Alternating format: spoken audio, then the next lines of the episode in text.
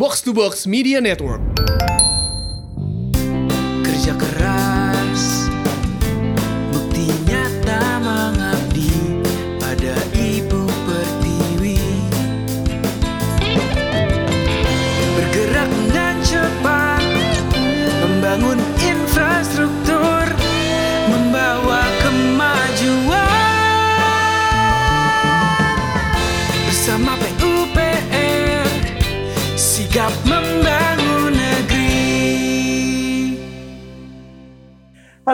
Sahabat PUPR Assalamualaikum warahmatullahi wabarakatuh Salam sejahtera juga salam sehat Buat semua sahabat PUPR di mana pun sahabat PUPR berada Apa kabar? Sekali lagi ketemu lagi di podcast Siga Membangun Negeri Bersama dari Kementerian Pekerjaan Umum dan Perumahan Rakyat Yang bisa disimak, didengarkan di Spotify Ataupun bisa dilihat juga nih di Youtube channelnya di @kemenpupr Oke? Dan masih bersama saya Ima Wibowo, tentunya kita akan ngobrol-ngobrol dengan narasumber pilihan kita mengenai capaian-capaian dari Kementerian Pekerjaan Umum dan Perumahan Rakyat sepanjang ini. Dan tentunya kalau selama ini ya, kita tuh selalu main, main ke kantornya Kementerian Pekerjaan Umum Perumahan Rakyat yang ada di Jakarta untuk ketemu dengan para narasumbernya sambil ngerekam, kita main-main, silaturahmi. Ataupun sempat tuh kita ketemu dengan narasumber yang tugasnya di Papua. Jadi kita ngobrolnya, kita rekamannya itu secara virtual.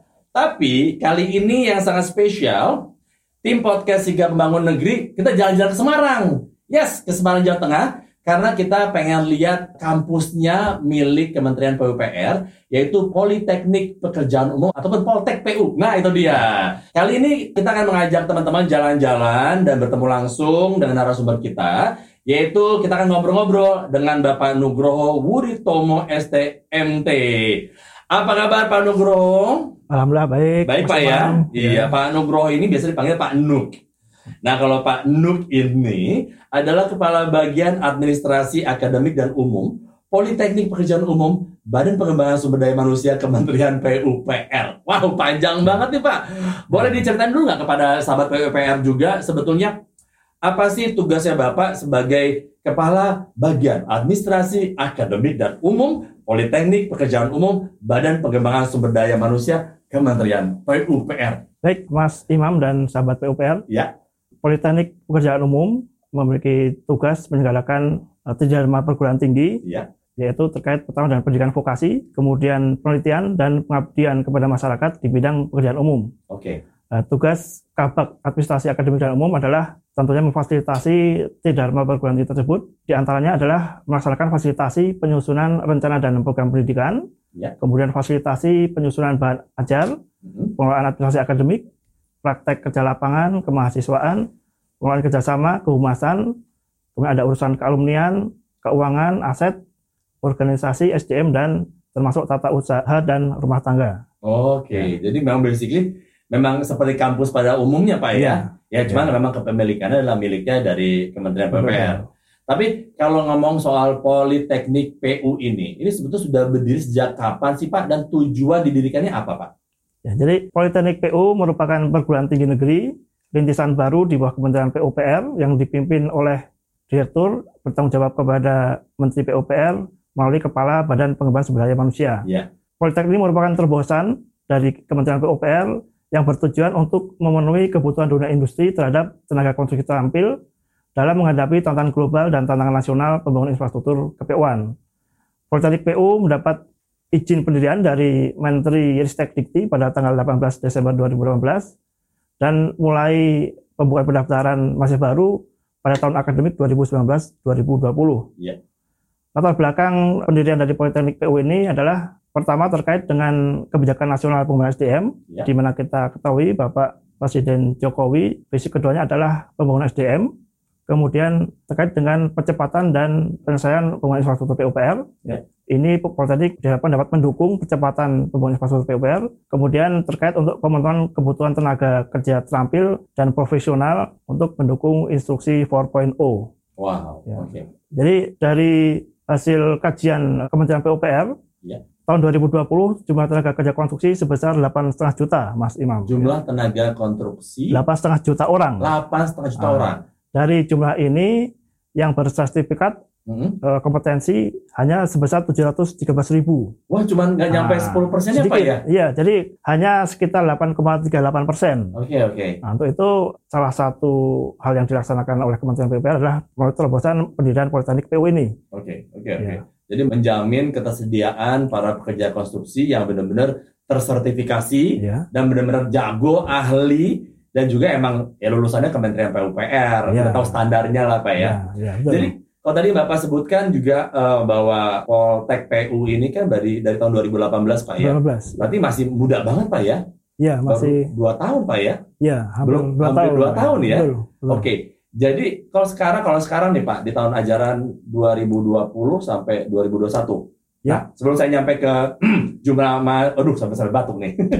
Ya. Eh, sampai dengan eh, sebelum kita bicara mengenai jumlah mahasiswanya, mungkin ada yang pengen Bapak tadi ta- tambahkan lagi dari pemaparan yang sebelum tadi Bapak sampaikan? Wah, mungkin kalau terkait latar belakang dari pendirian, Iya. jadi Politeknik ini mempunyai visi terwujudnya Politeknik unggulan Hmm. yang menghasilkan sumber daya manusia bidang KPU yang kompeten, profesional, bersaing tinggi dan siap kerja, Mas. Oh, itu dia penting. Siap Ya. kerja, iya. Ya. Siap terjun ke lapangan, Pak ya. Ya, Hmm. dari visi tersebut ada lima misi yang akan dilaksanakan. Pertama adalah pendidikan, Ya. di mana Politeknik PU ini menyelenggarakan pendidikan yang aplikatif untuk menghasilkan SDM bidang PU yang kompeten. Ya. Kemudian terkait penelitian, menyelenggarakan penelitian untuk meningkatkan penguasaan dasar yang bermanfaat bagi pengembangan iptek dan kesejahteraan masyarakat dalam bidang PU, serta melaksanakan pengabdian masyarakat dalam bidang KPUan. Kemudian membangun kerjasama dengan berbagai pihak terkait untuk penunjang pendidikan, pembelajaran, dan pengembangan Politeknik PU. Dan misi kelima adalah mewujudkan Politeknik PU dengan tata kelola yang baik. Ya. Diharapkan eh, lulusan Politeknik PU karena Politeknik PU ini dirancang menjadi Politek unggul dan Hmm. bertahap internasional, diharapkan mampu mencetak tenaga kerja konstruksi terampil bidang PU dengan beberapa pengalaman di lapangan nanti diharapkan menjadi settle dan set engineer ya, yang kompeten, Ya. profesional, siap kerja dan responsif terhadap perkembangan teknologi dan siap terjun mengatasi permasalahan teknis lapangan. Oke, benar. Jadi diharapkan lulusan Politeknik PU ini mampu merencanakan, melaksanakan dan mengawasi konstruksi bangunan air, gedung dan jalan jembatan. Ya, ini sesuai prodi yang ada saat ini masih Iya. tiga ya, dan melaksanakan operasionalisasi peralatan dan teknologi konstruksi serta melakukan monitoring evaluasi, pemeriksaan dan pemeliharaan konstruksi KPU-an. Oke. Ya. Jadi tadi setelah mendengarkan apa yang Bapak sampaikan, ada juga nggak sih Pak keunikan dan keunggulan Politeknik PU ini yang bisa benar-benar di, di- dibanggakan dan Oh. juga membuat bahwa Politek PU ini beda dengan yang lain. Ya, keunikan dan keunggulan eh, Politeknik PU ini Mas Imam eh, banyak ya saya kira. Pertama karena ini Boleh, Pak, ah, sekarang boleh sombong Pak, tunjukin Pak, kalau ini Iya. hebat berbeda Pak. karena ini didikan oleh PU, tentunya program studi yang ada itu mendukung kebutuhan PUPR. Ya. Pertama, kemudian dosen Politeknik PU merupakan instruktur, ya. Instruktur Pak ya. dalam arti praktisi berpengalaman di bidang konstruksi. Jadi, Jadi, cuma akademisi ah. tapi juga praktisi Pak ya. Praktisi langsung. Iya jadi iya maksudnya Jadi tidak hanya cuma belajar nggak cuma Oh, teori, teori, aja, ah, tapi iya, tapi juga memang jago. dosennya pengalaman di lapangan. Nah, itu. betul. Kemudian lulusan Heeh. selain mendapat ijazah lulusan ya Iya. kalau yang memenuhi syarat nanti akan mendapat sertifikat kompetensi level terampil. Oke. Nah, misalnya untuk SKT ya, sertifikat keahlian ke- ke- keterampilan itu Hmm. ada diukur quantity surveyor, Iya. JS, Mm-mm. building information modeling dan sebagainya. ya. Mm-mm. Kemudian kurikulum 60% praktek dan 40% teori. Oke. Jadi untuk praktek ini kita ada on the job training, Iya. kemudian kerja praktek tentunya ada workshop dan laboratorium yang bekerja sama dengan unit-unit organisasi di Kementerian PUPR Mhm. maupun industri konstruksi. Oke. Kemudian eh, tadi karena ini khusus, eh, tentunya ada mata kuliah khusus Iya. yang tidak dimiliki oleh politeknik yang lain seperti Construction, Aha. kemudian preservasi jalan dan jembatan, Iya. Pengelolaan teknologi mutakhir, Iya. ya, ada mitigasi keadaan bencana darurat, Aha. drainase dan pengelolaan banjir, serta peraturan perundangan dan standar Mhm. konstruksi terkini. Oke. Karena ini kita di bawah Kementerian PUPR tentunya mendapat info pertama kalau ada perkembangan terkait perundangan maupun standar konstruksi. Oke. Dan itu ilmu-ilmu yang justru memang sangat-sangat dibutuhkan di Ah, lapangan saat iya, ini. betul, betul, Mas Imam. mhm. Kemudian ada keterlibatan industri konstruksi Iya. BUMN karya ya secara langsung sebagai pembimbing tugas akhir Mhm. mahasiswa ya dan tugas akhir juga menggunakan metode studi kasus dan data real di lapangan. Iya. ya. Kemudian kita juga bekerjasama link and match dengan BUMN karya maupun industri konstruksi swasta ya Iya. untuk penyelenggaraan pelatihan, praktik kerja, penelitian, dan pengabdian kepada masyarakat serta pemagangan. Mhm. Kemudian ada juga untuk lulusan ini program career planning dengan menggandeng pihak industri untuk menyalurkan lulusan Politeknik PU. Ya. Udah, udah ada jaminan nih ya. Ah, ya, insya Allah Insya Allah. siap kerja dan ada yang menampung. Oh, iya, ada yang udah nungguin nih. Sudah yang nunggu, Iya, ya betul. Iya. Kemudian saat ini kami juga sedang mengembangkan Hmm. sarana dan prasarana berstandar internasional yang lengkap dan mutakhir ya dalam proses pembangunan smart kampus. Ya. Kalau arahan Bapak Menteri, Bapak Basuki itu lulusan Politeknik PU tidak hanya bisa menyampaikan saya sudah belajar apa, Ya. tetapi lulusannya harus mampu mengatakan saya sudah bisa membuat jalan, buang air, gedung dan sarana prasarana PU lainnya. Gitu. Oke. Demikian eh, beberapa keunikannya, Dan Mas. keunggulan Iya, dari betul. Politek PU, PU ini, Pak ya. Nah, tadi kan Pak Nuk sudah bilang juga tuh semua keunggulan, keunikan yang membedakan Politek PU dengan ya katakanlah dengan kampus-kampus teknis lainnya. Ya kan Pak ya yang membuat ini kayaknya emang yang kalau sekolah sini udah pasti waduh siap kerja dan ilmu-ilmunya tuh udah pasti ditungguin di lapangan. Nah, kembali ke pertanyaan saya, pertanyaan saya sebelumnya itu saya pengen tahu tuh dari semua ilmu yang diberikan, dari tujuan yang diberikan oleh Politek PU ini sebetulnya ada berapa sih Pak mahasiswa-mahasiswi yang lagi belajar di Politek PU ini pada tahun akademik sekarang 2020 sampai dengan 2021? Ya, Mas Imam, kalau jumlah mahasiswa saat ini total sebanyak 280 orang. Ya. Untuk angkatan 2019 atau angkatan pertama ini sebanyak 135 mahasiswa. Iya. Eh, Kita ada tiga prodi ya, prodi atau program studi D3 Teknologi Konstruksi Bangunan Air. Mhm, Iya. Jumlahnya 45 mahasiswa untuk angkatan pertama. Kemudian Teknologi Konstruksi Jalan dan Jembatan, Oke, sebentar Pak. Tadi yang pertama adalah te- Teknologi teknologi Konstruksi Bangunan Air. Oke, TKBA ya. TKBA. Konstruksi Bangunan Air. Iya. Itu berapa orang, Pak? 45. 45. Kemudian tadi tek- yang ber- berikutnya TK Teknologi Konstruksi Jalan dan Jembatan, JJ, Ja- TKJJ. JJ, Jalan dan Jembatan. TKJJ. nih. Itu, hah? 49 mahasiswa. Oke. Ya. Kemudian yang ketiga teknologi konstruksi bangunan gedung atau Mhm. TKBG Iya. 41 mahasiswa. Oke. Itu untuk yang angkatan pertama, Mas. Angkatan pertama. Nah, angkatan kedua ini total 145. Jadi kalau angkatan pertama 135, Hah? kedua 145 Hmm. untuk bangunan air sebanyak 53, jalan jembatan sebanyak 46 Iya. dan bangunan gedung 46 mahasiswa. Oke. Jadi total 280. 280 ya. Ya. Dan tadi yang Bapak sebutkan tadi yang TKBA, TKJJ, TKBG itu apa memang emang jurusan-jurusan yang ada di sini? Ya, ada ada tiga prodi, Mas. Prodi, program studi. program studi yang ada di Politek PU ini, Ya, Pak ya. ya.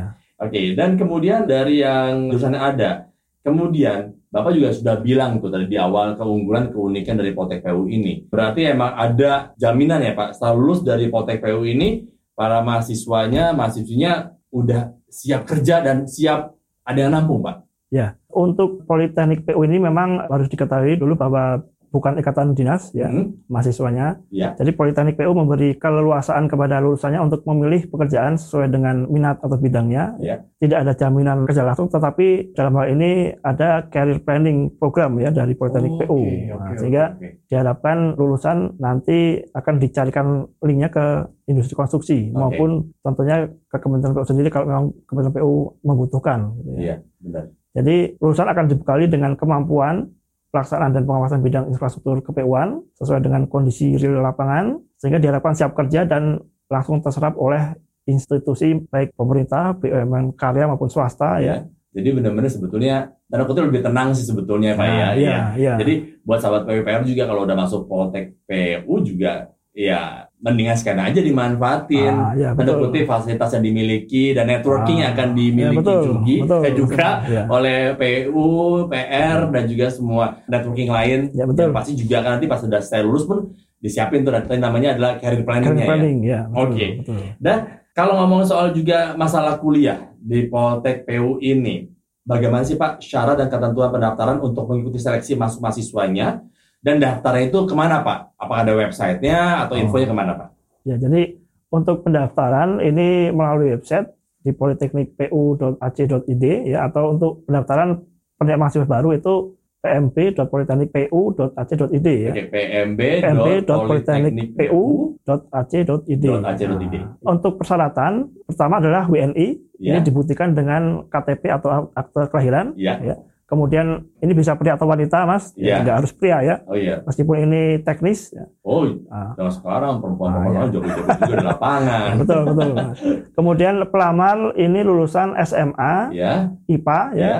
SMK atau MA kejuruan Mhm. dengan program keahlian teknologi konstruksi dan properti. Kemudian surat keterangan ada surat keterangan sehat Ya, dari lembaga kesehatan pemerintah, ya, Ya. bisa rumah sakit atau puskesmas atau klinik pemerintah. Ya. Ya. Kemudian surat keterangan tidak buta warna sama. nggak ya, buta iya, warna nggak ya. boleh karena ini teknis. teknis ya. Ada untuk simbol-simbol material dan sebagainya, gitu. Iya. Nah, warna-warna tertentu ya. Kemudian ada selain keterangan tidak buta warna juga bebas narkoba tentunya ya. Oh, Ini iya. saya kira standar ya untuk semua. Untuk di mana pun Nah, juga masih bebas narkoba. Ya.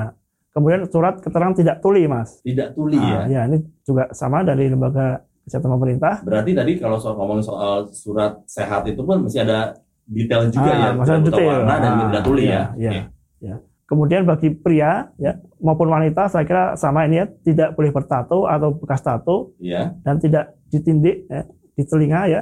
Kalau Ataupun ada wanita bekas- ah, ada bekas tindik juga ah, boleh ya. Ya, kecuali kalau kan lebih dari satu itu nggak nggak boleh kan. Iya, iya. Ah, kemudian kecuali ini kecuali kan kita juga tahu ada beberapa rekan kita dari daerah yang Hmm. memang punya budaya tato itu harus kalau memang dia bertato dan Iya. ada adat ya di daerahnya itu harus Karena alasan adat bukan, Ah. bukan alasan gaya Pak ya. ya betul betul itu harus menyertakan surat keterangan dari ketua adat Oke, Nah. nunjukin bahwa ini tatonya jadi karena ah, karena memang adat istiadat dari adat istiadat. ya Nah, dari juga mungkin ada cewek yang mungkin antingnya banyak gitu kan. oh iya betul Iya betul kan, tuh, karena ada, ada beberapa adat di Indonesia Kalimantan gitu kan. ya. Kalimantan Iya. kan Pak ya. Oke. Iya. Jadi itu syarat-syaratnya Pak ya. Iya. Oke. Nah kalau eh, sekarang ada lagi mungkin pengen tambahkan Pak mengenai pendaftaran mahasiswa baru atau syarat-syaratnya di tahun ajaran baru ini? Ya, pendaftaran untuk Politeknik PU ini Mas Imam mengikuti pendaftaran untuk Politeknik Negeri ya. Oh, Oke. Serentak. Biasanya pendaftaran dibuka di awal hingga akhir Mei. Ya. Kemudian untuk unggah berkas itu di pertengahan bulan Juni. Ya. Untuk seleksi administrasi akan diumumkan pada pertengahan Juni. Kemudian seleksi ya ini kalau tahun 2020 kemarin ada tiga materi yang diujikan yaitu matematika, fisika dan bahasa Indonesia. Uh. Nah, ini tentunya kalau yang tahun depan kita belum tahu nih. Ya. Oh gitu. Nah, karena mungkin ada ada perubahan kebijakan dari Iya. Kementerian Pendidikan. Ya. Iya. Heeh. Kemudian untuk pengumuman kelulusan itu biasanya pada pertengahan Juli, Oke. Mas. Ya. Pak Nur bisa dibilang kan Poltek PU ini kan kayak masih baby Pak ya. Masih bayi Iya. baru belum sampai 2 tahun. Oh ya. Ya kan ini ya, kayaknya betul. babynya dari Kementerian PUPR nih untuk menciptakan para tenaga-tenaga ahli yang benar-benar siap kerja Ya. di lapangan juga. Ya. Tiba-tiba baru baru lahir, baru merangkak, baru pengen mencapai banyak hal, tiba-tiba ketemu dengan COVID, pandemi. Ah, ya. Itu gimana Pak langsung Pak di tahun ajaran proses belajar mengajar di tahun ini 2020 Pak? Ya, Mas Imam untuk eh, terkait eh, pembelajaran di new normal ini ya. Iya, ya, benar, Pak. Ketika COVID terjadi, kita memang kemudian menyesuaikan untuk pembelajaran ya, untuk perkuliahan. Ini kita ada perkuliahan online Oke. dan offline ya, atau tatap muka. Oh, Jadi karena Politeknik PU ini pendidikan vokasi sehingga harus ada praktek kebijakan dari pimpinan yaitu dirancang untuk mata kuliah yang bisa dilaksanakan secara online akan diadakan di awal Ya. awal semester. hmm, Kemudian yang tatap muka itu ditaruh di akhir semester. ya. oke. Nah, seperti saat ini ini untuk praktikum dilaksanakan di bulan November Desember.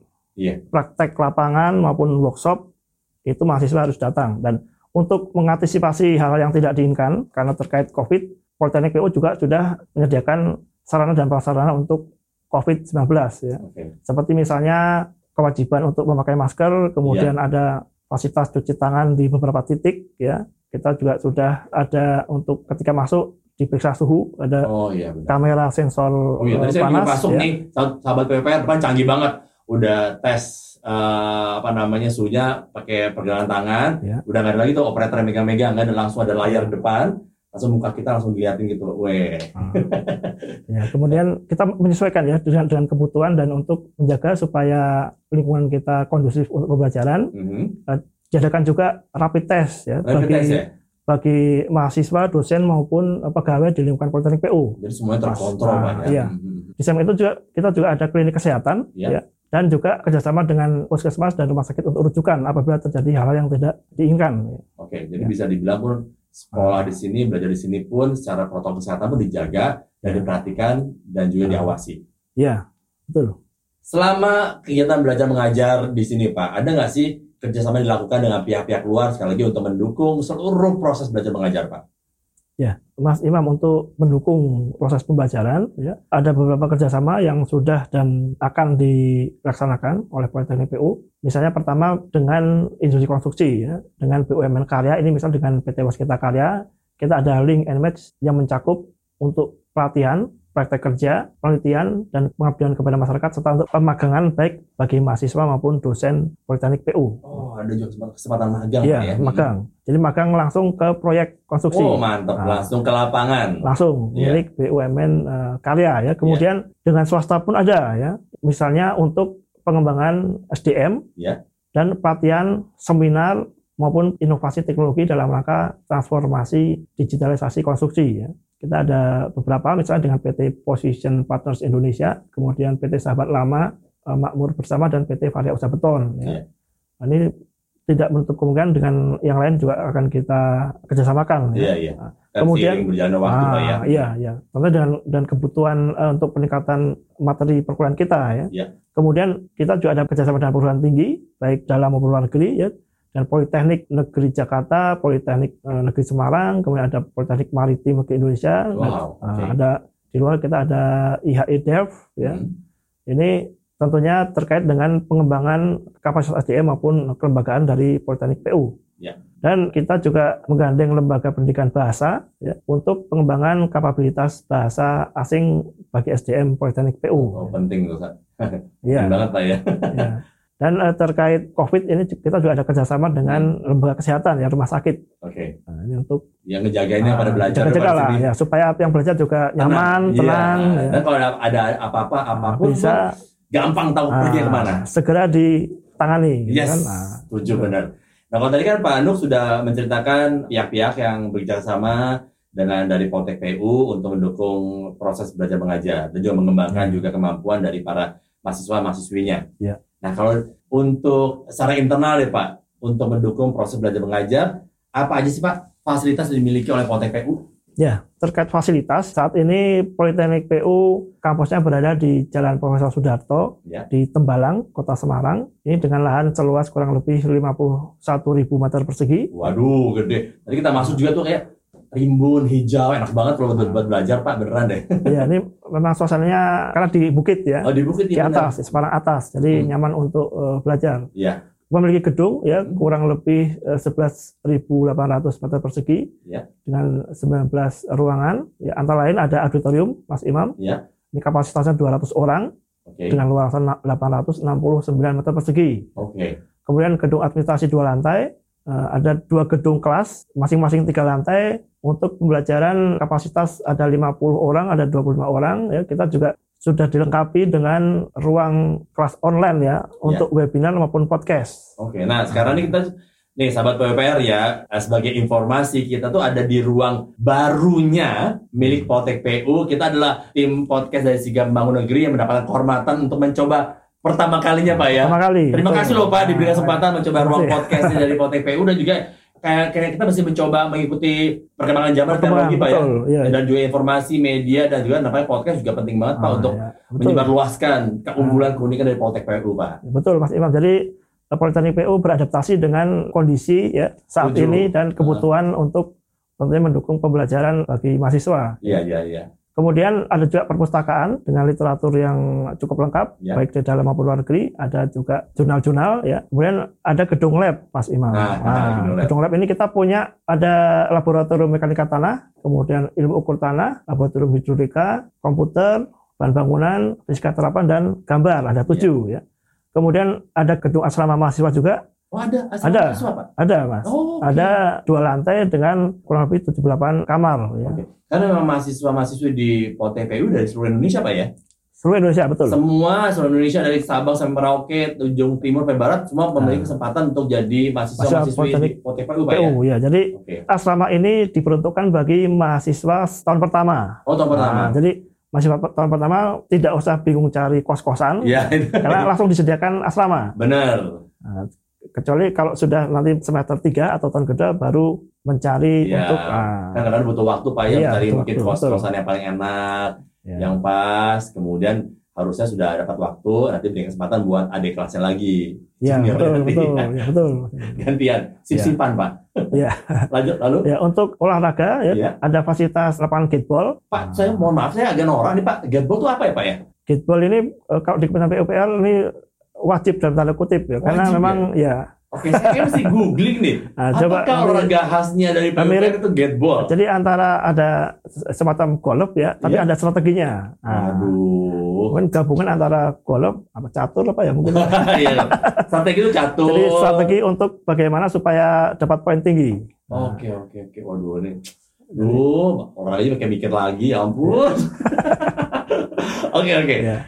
Apalagi Pak yang ada Pak fasilitas yang Eh, membuat bisa semuanya betah belajar di Poltek PU. Ya, tentunya ada juga untuk peribadahan, ada Iya. juga masjid ya. Iya. hmm, hmm. Di Politeknik, kemudian ada rumah dinas untuk pegawai, untuk direktur, ya, serta ada asrama dosen. Ya. Dosen pun ada asrama. Ada asramanya, Mas, ada. Oke Ya. oke. Jadi ini untuk ya itu tadi menciptakan pembelajaran yang kondusif sehingga kita fasilitasi dengan baik. Ya. Bukan hanya mahasiswa, tentunya dosen juga Iya iya. dan pegawai juga kita fasilitasi. Ya, pokoknya tinggal mikir belajar atau ngajar deh udah. Nah, ya jadi Hmm. tidak mikir harus cari tempat Iya, tinggal iya. apa gitu. Nanti mikir, mikir angkotnya lah, Ah, angkutannya betul, lah, betul, lebih iya. pagi lah, kena macet lah. kena macet lagi dan dan kalau mungkin kalau mau konsultasi dengan dosennya kapan pun bisa aduh berarti ya. Bisa betul.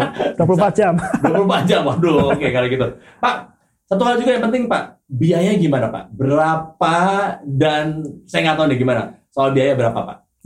Untuk biaya kuliah di Hmm. Politeknik PU ya sesuai dengan peraturan Kementerian Keuangan ini saya kira cukup terjangkau ya, Hmm. Mas Imam. Ya. Jadi kita menggunakan sistem uang kuliah tunggal ya, bukan SPP. Jadi cukup bayar satu kali per semester ya itu sebesar 6 juta. ah, satu semester cuma 6 juta 6 juta, Mas. Oke. Itu tidak ada ya gedung dan sebagainya. Sudah itu aja. udah itu aja Itu saja. lu tinggal belajar aja udah gitu ya Ah, tinggal baca itu termasuk untuk nanti praktikum oh termasuk praktikum lab dan sebagainya itu Hmm. sudah termasuk di situ ya. oke Nah, khusus angkatan satu Mm-mm. kemarin ya yang sudah berjalan itu mendapat subsidi sebesar 50%. jadi cuma bayar 3 juta 3 dong juta, betul. per semester Betul, Mas Imam. tapi cuma angkatan angkatan Angkatan satu aja, oke ya, oke ya.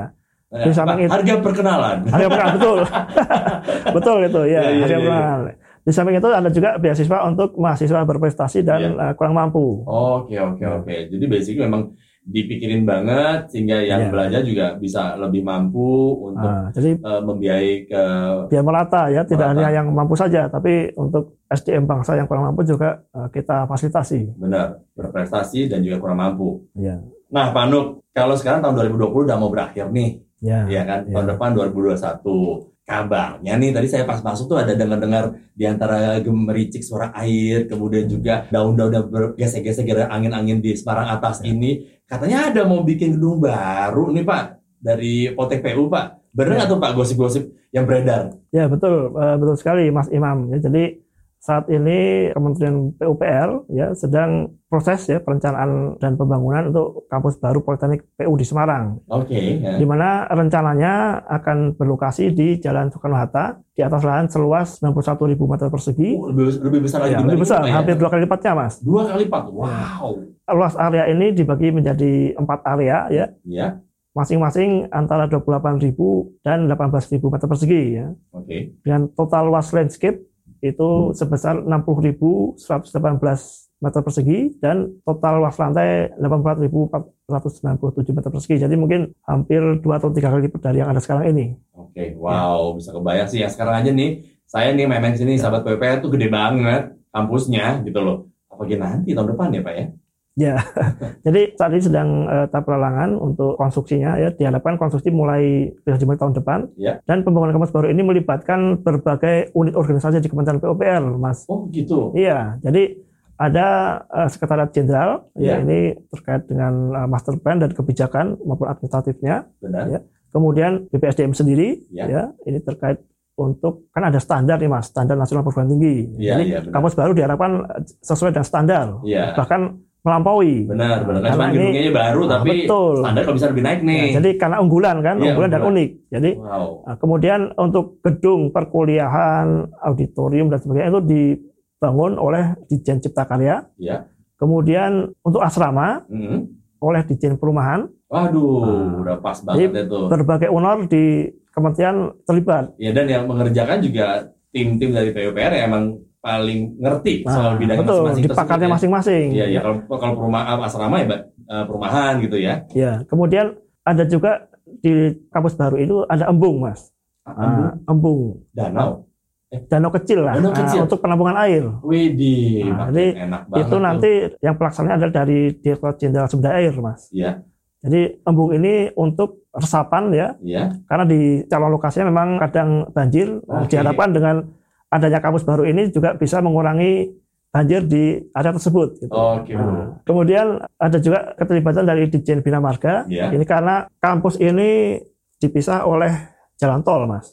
Oh, Nah, gitu. kawasan di Soekarno Hatta itu Oh, jadi nanti ada ada Nah, kayak ada nanti dua ada gitu ya. ya ada, ada penghubung nanti. Oke, Ini oke. tentunya melibatkan dari teman-teman di Bina Marga. Mhm, Iya. Ya. Untuk area satu, tadi Ya. ada empat ya. Ada empat area, satu, Pak, ya? kurang lebih 28.000 meter Mhm. persegi. Ini ada gedung direktorat lima lantai sebagai tempat informasi layanan pendaftaran mahasiswa baru. Kemudian ada di situ ada ruang kantor, ruang pimpinan, direktur dan wakil direktur, Iya. ruang rapat dan area parkir pada lantai satu. Ini luasnya untuk gedung direktorat sekitar 5.000 Wih, meter ada persegi. ada ruang parkir juga khusus nih Pak ya. Iya, jadi jangan sampai kita bangun kampus, Heeh.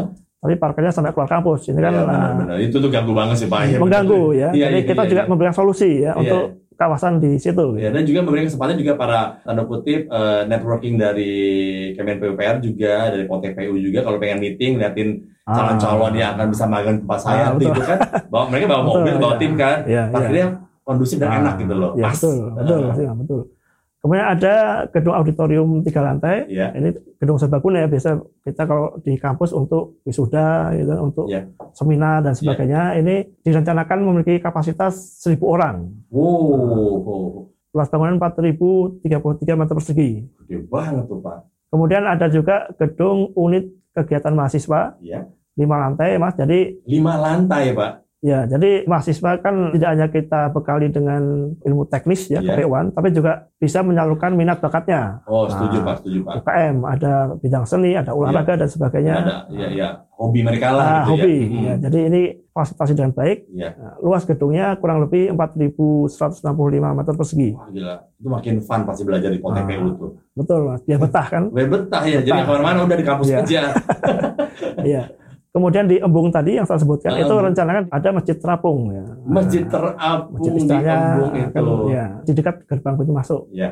Kemudian area kedua Iya. ya itu tadi kurang lebih 18.000 meter persegi. Iya. Ada gedung kelas dan Mhm. laboratorium tujuh lantai, Iya. luasnya kurang lebih 13.865 Mhm. meter persegi. Ada parkir dan juga tempat pembuangan sampah, Mas. Oh penting Nah, tuh. Jadi Biar kita, limbahnya ah, bagus dikontrolnya. betul. jadi ada pengelolaan limbah juga. Ini bisa juga jadi sarana untuk pembelajaran mahasiswa ya. Oh iya iya. benar. Bagaimana pengelolaan sampah yang baik. Mhm. Kemudian ada gedung workshop ya, ada lab, ada workshop. Oke. Workshop ini ada empat gedung. Workshop berapa gedung? workshop ya untuk Oke. praktikum. Kemudian area 3 ini kurang lebih 28.000 meter persegi. Mhm. Ada tadi akses ya, akses pedestrian dari ya, ada jalan Karang Ingas, kemudian ada terowongan Ada terowongan yang juga, menghubungkan uh, antar dua kawasan ya, yang Ah, tadi oh, terpisah. Pak. di jalan tol tadi ya. tol, Ada ya. terowongan jadinya Ada, ada. ya bener juga masa menyeberang jalan tol Pak ya. Iya. Serem juga tuh mahasiswanya. Kemudian ada gedung pengembangan ya. Jadi Ah. untuk pengembangan kampus ke depan ya. Ada mau nambah lagi Ya. Pak. Jadi Wah hebat sekali nih POTPU nih. kemudian area 4 Ah. ini ada asrama dua tower ya dengan masing-masing 8 lantai, Mas. Jadi nanti ada Satu tower. asramanya dua tower masing-masing Tower. 8 lantai. Iya. Dua tower 8 lantai, berarti total ada 16 lantai. Iya. Itu kan berarti calon mahasiswa baru yang akan dibuka diterima bisa lebih gede dong Pak. Jadi memang eh, ke depan prodinya akan dikembangkan, Mas. Mhm. Jadi tidak hanya tiga, Ya. nanti akan dikembangkan prodi-prodi yang dibutuhkan oleh Kementerian PUPR tentunya. Oke tuh teman-teman, sahabat PUPR, adik-adik tuh yang lagi masih SMA segala macam siap-siap tuh. Udah tahu apalagi yang suka dengan teknik gitu kan ya, Hmm. konstruksi. Ada POTPU nih udah siapa nanti dan gedung barunya tahun depan. Betul. ya. Lalu Pak, Kemudian ada noise barrier ya. Karena ini dipisah oleh tol, Iya. sehingga ada ini untuk peredam ya, se- semacam peredam barrier, noise Iya, iya. barrier hmm, untuk mengurangi kebisingan Iya, supaya tidak mengganggu proses belajar. proses belajar. Iya. Ini juga bisa untuk sarana pembelajaran mahasiswa ya, Oh, iya, bagaimana benar. membuat noise barrier. Hmm, benar. Langsung di depan mata tuh. Oh, belajar Langsung, bentuknya seperti ini, bentuk seperti ini, gitu kan. Iya, iya. Sudah pernah lihat? Belum Pak. belum ah, nanti, tahu, Pak. nanti kalau jadi kita lihat Eh saya tunggu Saya Pak. tunggu. Itu nanti ending saya pengen minta kasih modus Pak, kasih uangnya Pak. Tahun depan undang lagi Pak. Gitu. Nah, siap siap Terus apa siap lagi Pak? ya kemudian ada tentunya taman ya taman-taman kecil Ah. untuk mendukung pembelajaran diskusi dan sebagainya Ya, ada juga gelanggang terbuka mas gelangan terbuka. Gelanggang terbuka jadi kalau ada acara-acara pertunjukan Ya. mahasiswa seni dan sebagainya bisa diadakan juga di area terbuka Ya. untuk olahraga ada jogging track lapangan olahraga tenis Uh, volley uh, tadi gateball ya Iya. banyak lah nanti Ini untuk- pokoknya gini, sahabat PUPR kalau nanti kebayang banget nih untuk gedung barunya dari Poltek PU tahun 2021 ini udah kayak bener kampus luar negeri deh. Nah, Keren banget, udah kampus yang bangun yang jago ngebangun juga gitu loh. betul Iya kan? iya betul Pak, saya nggak sabar loh Pak tahun depan ngeliatin gimana hasil bentuknya Poltek PU yang baru tahun 2021. ya betul Mas Imam ya kita berusaha ya Iya. dan juga berdoa tentunya semoga Iya, benar-benar. bisa kita bangun dengan sebaik-baiknya Iya, iya. Ya. melampaui bahkan melampaui standar dari iya. untuk perguruan tinggi Benar. vokasi ya. Bapak bilang melampaui standar. Mungkin sebagai penutup juga ada nggak sih Bapak yang bisa sampaikan juga mengenai membuat bahwa gedung Poltek PU nanti itu benar jadi benar-benar gedung yang keren Pak. Kalau tadi sarplasnya mas ya, Ah. Nah, hardware, kita Iya. perlu software ya. Untuk Iya. software ini Politeknik PU menggandeng pakar-pakar di bidang teknologi informasi ya, Iya. untuk merancang bagaimana agar terwujud yang namanya smart campus. Oke. Nah, jadi smart campus ini mengintegrasikan ya penataan infrastruktur yang ada, Oke. kemudian pelayanan Iya. dan tata kelolanya. Benar. Jadi ini sangat penting karena kampus yang luas tersebut perlu didukung dengan adanya teknologi informasi yang canggih ya, Iya. supaya bisa dikelola dengan baik, Iya. sehingga pembelajaran bisa berjalan dengan baik. Iya. Dan ini juga kita mendukung era revolusi industri Benar. 4.0 ya. Ya, dan juga menjadi satu proyek percontohan dong Pak. Nah, betul, Ini kan betul, Satu Mas. kayak Iya. satu bentuk ini loh, satu bentuk kerennya Kementerian PUPR. Nah, Iya iya, kan? betul, betul. Pak Nuk, terima kasih loh buat ngobrol-ngobrolnya. Sama-sama makin terwujud, makin keren, makin kebayang banget bahwa Poltek PU itu bisa menjadi satu wadah baru buat kita menciptakan kita, maksudnya Kemen PUPR, saya pengen ikutan aja tuh.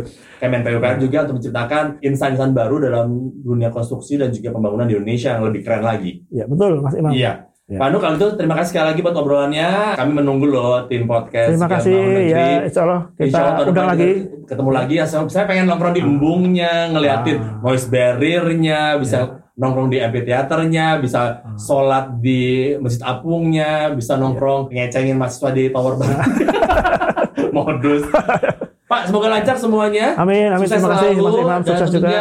Sahabat PPR, demikianlah obrolan kita di episode kesekian dari podcast Sigap Membangun Negeri bersama dengan Bapak Nugroho Wuritomo STMT selaku Kepala Bagian Administrasi Akademik dan Umum Politeknik Pekerjaan Umum Badan Pengembangan Sumber Daya Manusia Kementerian PUPR. Jangan lupa untuk selalu dengarkan podcast Sigap Membangun Negeri di Spotify dan juga bisa simak juga obrolan kita secara visual di YouTube channelnya dari Kemen PUPR juga seperti Instagramnya Facebooknya Kemen PUPR, kalau kemudian Twitternya Kemen PU, atau websitenya di pu.go.id.